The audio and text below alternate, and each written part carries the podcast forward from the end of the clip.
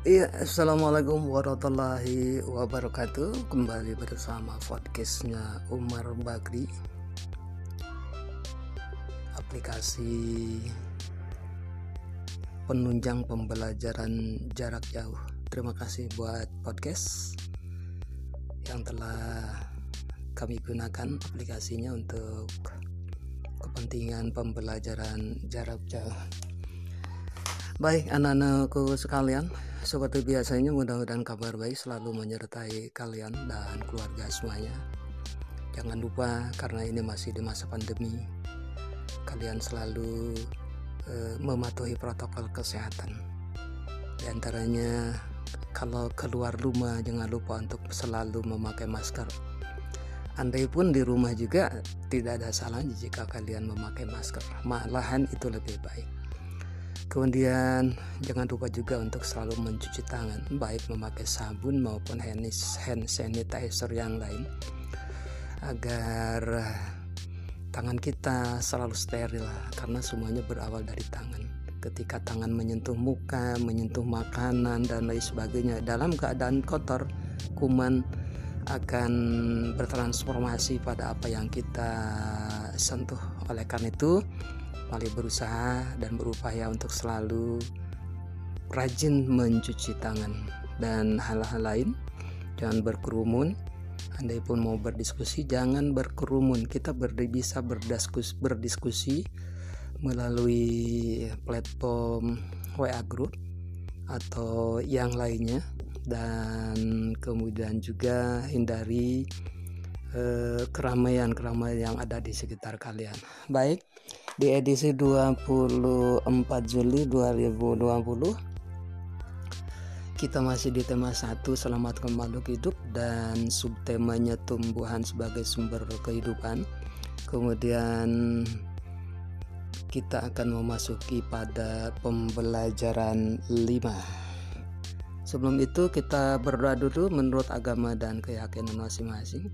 Mudah-mudahan eh, kita senantiasa diberi kesehatan oleh Allah Subhanahu wa taala dan dihindarkan dari wabah pandemi ini dan wabah-wabah yang berbahaya yang lainnya. Berdoa dalam hati mulai.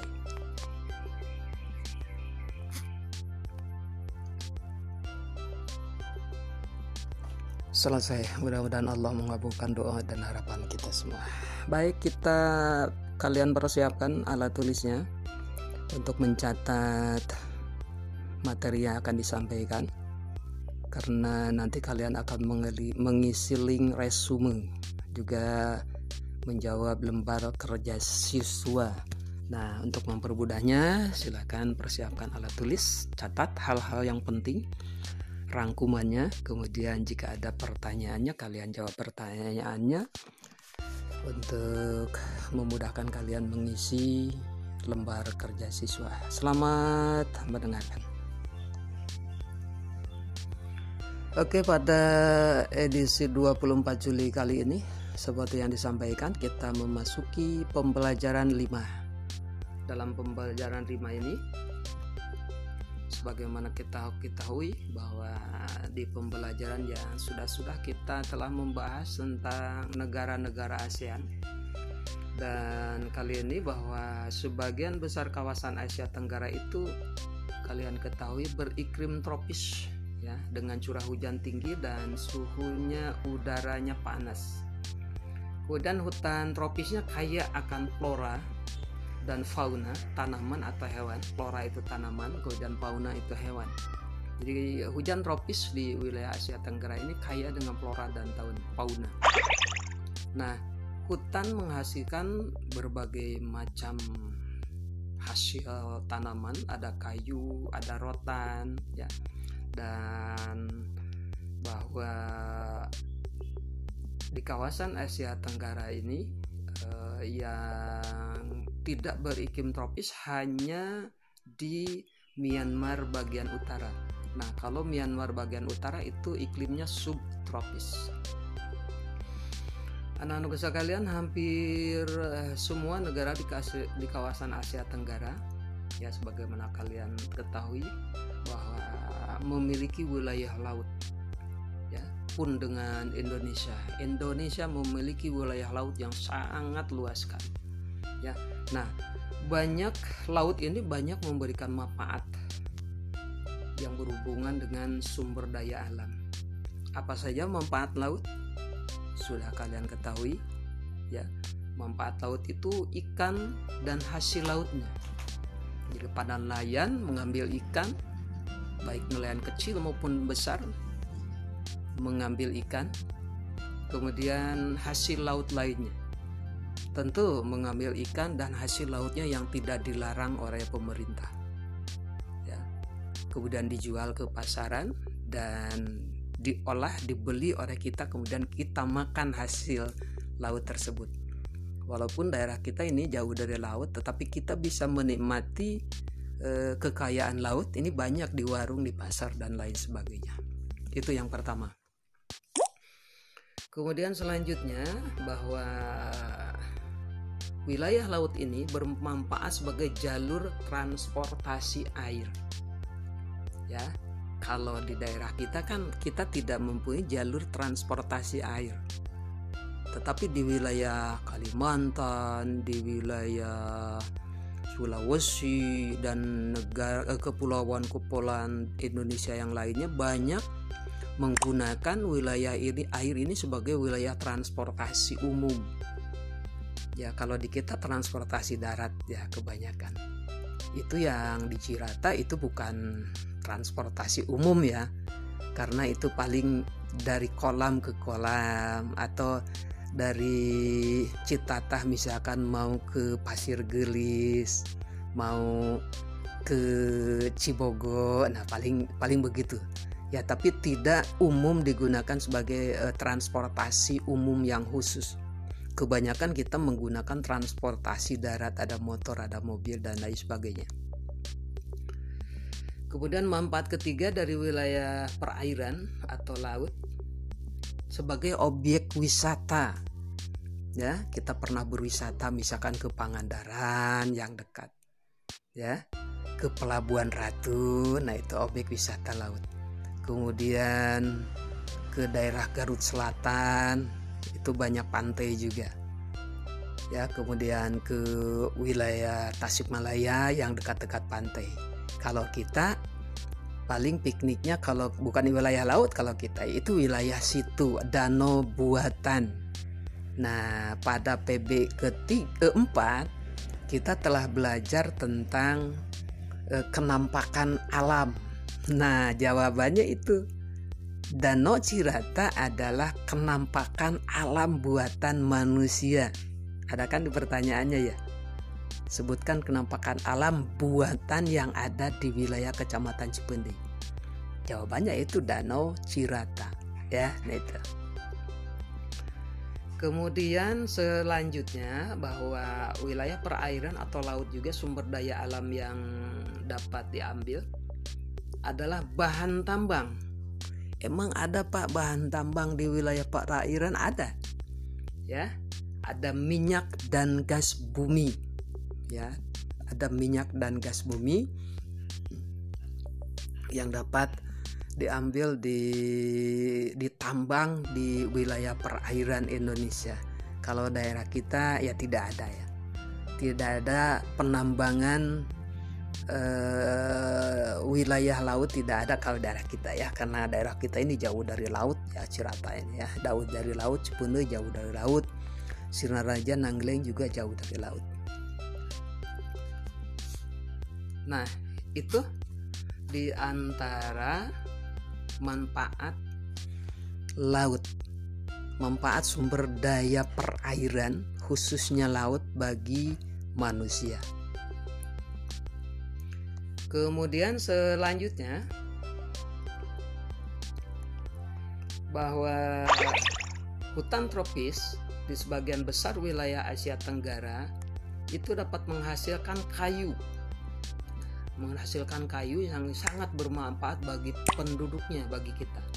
Sedangkan dari e, kita atau sebagian kita memanfaatkan kayu ini untuk apa? Ya untuk dibuat patung. Patung Nusantara banyak diminati oleh masyarakat dunia. ada patung apa coba dieksplor nanti ya. Tidak akan bapak sebutkan patung suku apa gitu yang terkenal di dunia. Ya patung suku apa? Ya dieksplor nanti. Itu terkenal di dunia. Ya itu terkenal di dunia. Dan itu terbuat dari kayu.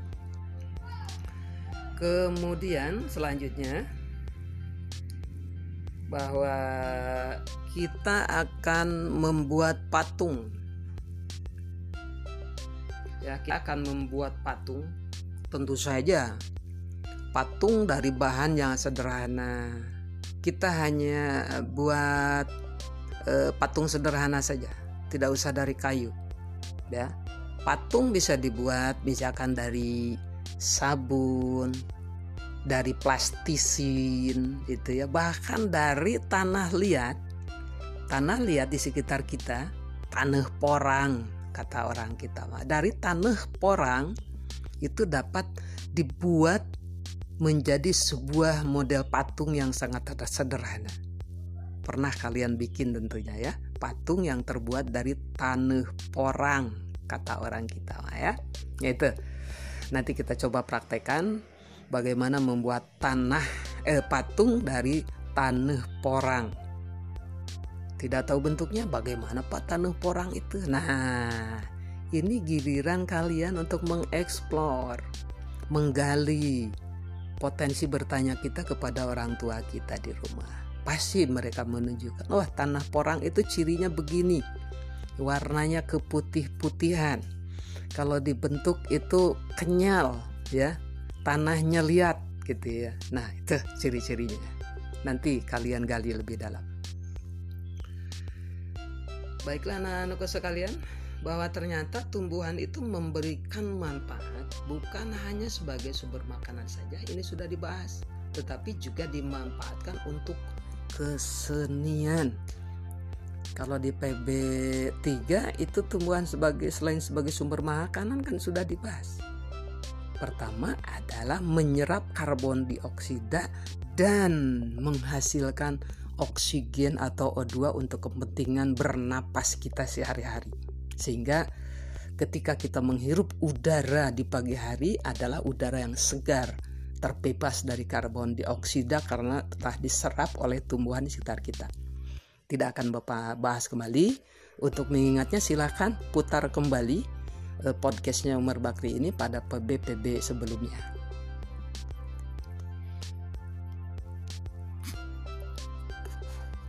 Anak-anakku sekalian kita akan lanjut bahwa tanaman di sekitar kita itu bukan hanya tumbuhan.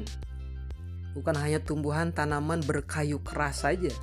Tetapi juga ada namanya tanaman obat untuk keluarga. Disingkat toga T O G A toga. Tanaman obat untuk keluarga. Nah ibu-ibu PKK ibu-ibu kader biasanya sering menggalakkan toga ini. Mereka menanam tanaman obat di depan rumah, ya. Ada apa saja? Ada jahe, ada cikur kata orang sini mah ya. Ada kunyit, ayah koneng, cina ya, dan lain sebagainya. Ya tanaman-tanaman yang bermanfaat obat bagi keluarga kita. Nah, kemudian ya nanti kita akan pada PB4 ini seperti pada PB3 ada jadwal eh, matematika ya yang akan kalian bahas dan akan kalian kerjakan. Lihat dulu nanti di screenshot pengalaman tadi. Oh iya ternyata begitu LKS itu. Maka nanti screenshot yang akan Bapak berikan sekitar nanti malam itu pelajari tulis rangkumannya. Yang penting tulis dan jawab pertanyaannya. Jangan-jangan nanti ada di LKS di lembar kerja siswa. Walaupun berbeda kata berbeda kalimat berbeda pertanyaan tetapi ternyata operasi pengerjaannya sama dengan yang tadi kita latihkan. Nah, itu ya. Jadi silakan pelajari dulu.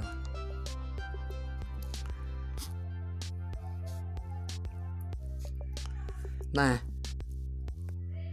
anak-anakku sekalian, rupanya demikian PB4 ini. Uh, ya, pembelajaran 4 ini hanya sedikit, tapi walaupun sedikit, jangan menganggap remeh. Ah, besok ajalah dikerjakannya. Tidak sekarang, sekarang mau nonton TV sajalah. Nah, hindarkan kata-kata seperti itu. Sok mumpung ada waktu, selagi waktunya luang, silahkan kerjakan. Setelah itu istirahat tidur. Kita ketemu lagi besok hari. Ya, demikian terima kasih atas perhatian kalian. Selamat belajar. Semoga podcastnya Umar Bakri ini bermanfaat sebagai penunjang pembelajaran jarak jauh bagi kalian sebagai penunjang. Ya, artinya tidak sepenuhnya hanya sebagai penunjang saja Mudah-mudahan bermanfaat dan salam tangguh.